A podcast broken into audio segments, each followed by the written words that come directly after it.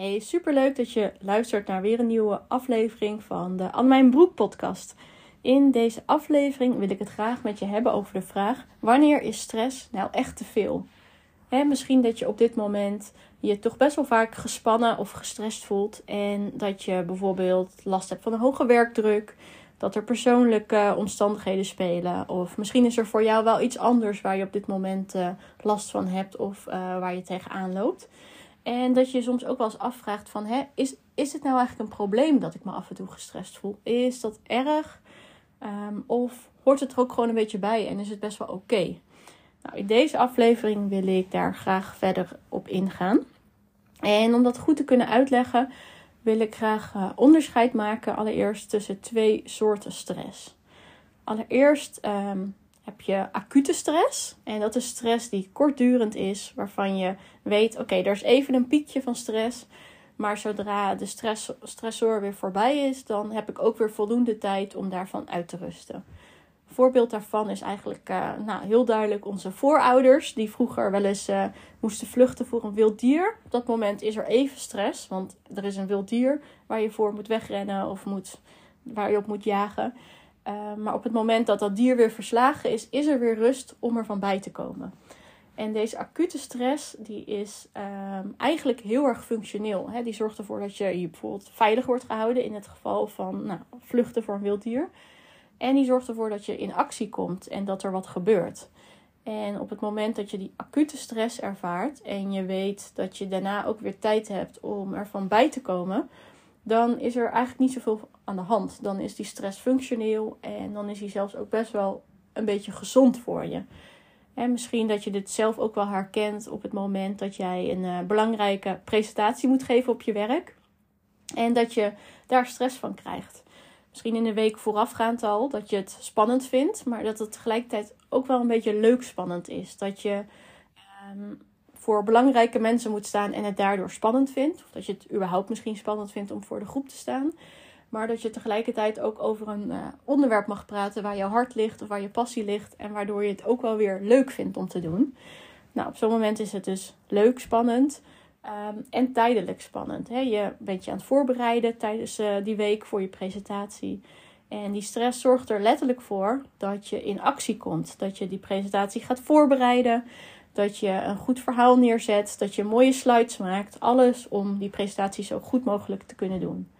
En ook op die dag zelf. Misschien merk je wel dat je uh, hartkloppingen hebt, of dat je een beetje begint te zweten, of dat je uh, nou, een ander signaal van je lichaam herkent, waarin je toch wel merkt dat je het toch wel spannend vindt om die presentatie te geven.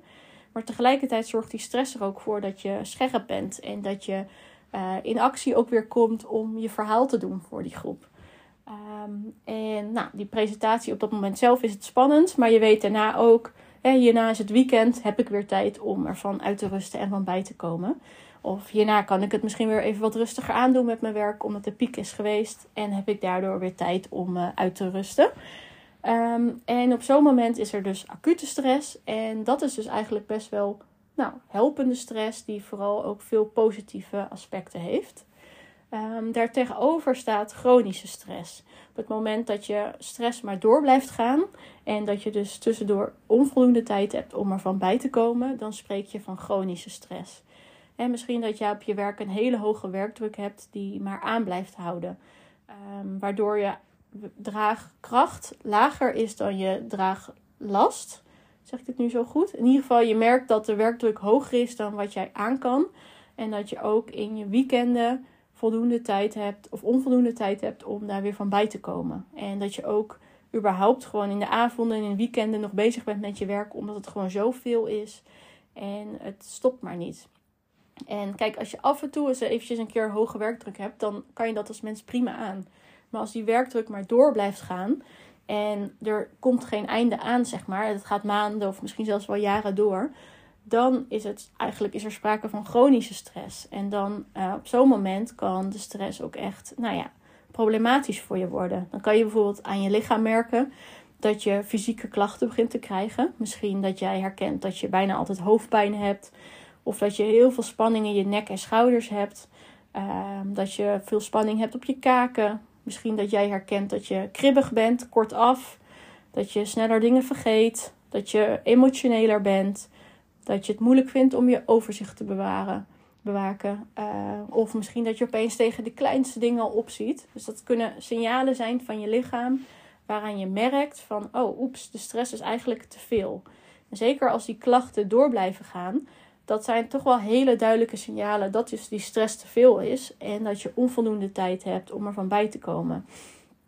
En op zo'n moment, uh, dan kan die stress dus echt te veel zijn en problematisch zijn.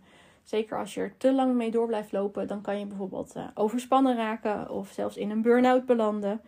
En op zo'n moment is die stress natuurlijk overduidelijk te veel en dan ben je er te lang mee doorgelopen. Uh, wat bijvoorbeeld ook een heel goed signaal is als jij elke dag uitgeput bent na een werkdag. Dat je eigenlijk niks meer kan, behalve een beetje op de bank liggen. En dat dat het dan is. Dat zijn ook gewoon wel duidelijke signalen dat het dus gewoon te veel voor je is. En dat die stress dus te veel is. En dat je onvoldoende tijd hebt om er van bij te komen. En op dat soort momenten zou ik inderdaad zeggen: de stress is te veel. Het is goed om hier iets aan te gaan doen. Ehm, wat ook nog een heel goede graadmeter is, is de feedback die je uit je omgeving krijgt. Vaak op het moment dat je echt heel veel stress hebt, dan, dan merk je het zelf bijna niet meer. Dan ben je zo in die overlevingsmodus om maar door te gaan, dat je zelf eigenlijk niet meer door hebt dat je zoveel stress hebt. Ehm, tegelijkertijd kan je omgeving het soms gewoon eerder doorhebben dan dat jij het doorhebt. Ik weet zelf nog heel goed dat in de maanden voordat ik uitviel met mijn burn-out, dat ik af en toe bij mijn ouders kwam. En dat ik daar dan eigenlijk alleen maar een beetje op de bank lag en kort af was, niet echt aanwezig was. En uh, nou, soms ook wel een beetje richting het, het, het was. En dat mijn ouders zeiden: Wat is er met jou aan de hand? Dit, dit, dit kennen we helemaal niet van je. Ik ben van nature, denk ik, iemand die best wel vaak vrolijk is, enthousiast is, optimistisch is. En uh, helemaal niet zo vaak aan het mopperen ben, zeg maar. Dus ik ben best wel gewoon dan vrolijk en enthousiast en blij. En opeens was ik dat niet meer. Ik was kortaf, ik was zagrijnig. Ik was er, ik was er niet echt aanwezig, zeg maar. En uh, nou, dat ze zeiden, wat is er met jou aan de hand? En dat ik op dat moment alleen maar dacht, wat een gezeik, laat me met rust. Ik ben moe, ik heb hier helemaal geen zin in. Um, terwijl achteraf gezien waren dat natuurlijk gewoon hele duidelijke, was het hele duidelijke feedback vanuit mijn omgeving dat het niet goed met me ging. Um, en als ik daar op dat moment eerder naar had geluisterd, had ik er wat aan kunnen doen. En was ik misschien niet in die burn-out beland. Um, dus het kan soms ook heel goed zijn als jij echt merkt van... Hé, ik krijg feedback vanuit mijn omgeving van mensen die aangeven van... Hé, let even op, want we merken dit en dit bij je. Of wat ben je opeens kribbig? Wat is er met je aan de hand? Dat zijn toch duidelijke signalen dat het waarschijnlijk allemaal iets te veel voor je is. En dat het goed is om het wat rustiger aan te doen. Dus ook op zo'n moment kan het een duidelijk signaal zijn dat de stress eventjes te veel voor je is. Nou, wat, wat kun je nou het beste doen als je merkt dat je te veel stress hebt? Um, allereerst zou ik zeggen, doe het alsjeblieft wat rustiger aan. Kijk of je je week minder vol kunt plannen. Uh, misschien kun je op je werk het gesprek aangaan om de werkdruk te verlagen. Dat je bijvoorbeeld deels taken kan uitbesteden of taken kunt laten liggen. Um, en daarnaast ook, blijf goed voor jezelf zorgen. Zorg ervoor dat je voldoende slaap hebt, dat je gezond eet. Um, dat je af en toe wat beweging hebt. Even lekker wandelen, bijvoorbeeld uh, buiten. Het liefst ergens in de natuur. Maar dat je in ieder geval goed voor jezelf zorgt. En dat je het vooral echt rustiger aandoet. Um, en daarnaast kan het ook heel goed zijn om daar eventueel hulp bij te zoeken. Dus bijvoorbeeld, nou, wat ik net al aangaf van je leidinggevende. Maar daarnaast kan het ook heel erg fijn zijn om uh, misschien met een coach of een psycholoog te praten. Zeker als uh, dit soort uh, momenten vaker terugkomen of als de klachten gewoon echt er erger worden. Om gewoon eens te kijken van hè, waar, waar loop ik nou tegenaan? Wat zijn mijn problemen? Um, en hoe, zorgt het, hoe komt het nou dat ik in deze situatie ben beland? En hoe komt het nou dat ik zoveel klachten ervaar? Wat kan ik eventueel anders doen om ervoor te zorgen dat ik weer wat minder stress ervaar? En op zo'n moment kan het gewoon heel goed zijn om een keer uh, met een coach of een psycholoog te praten. Um, mocht je zoiets hebben van, nou Annemijn, ik ben heel erg benieuwd uh, hoe jij uh, me daar eventueel bij kan helpen.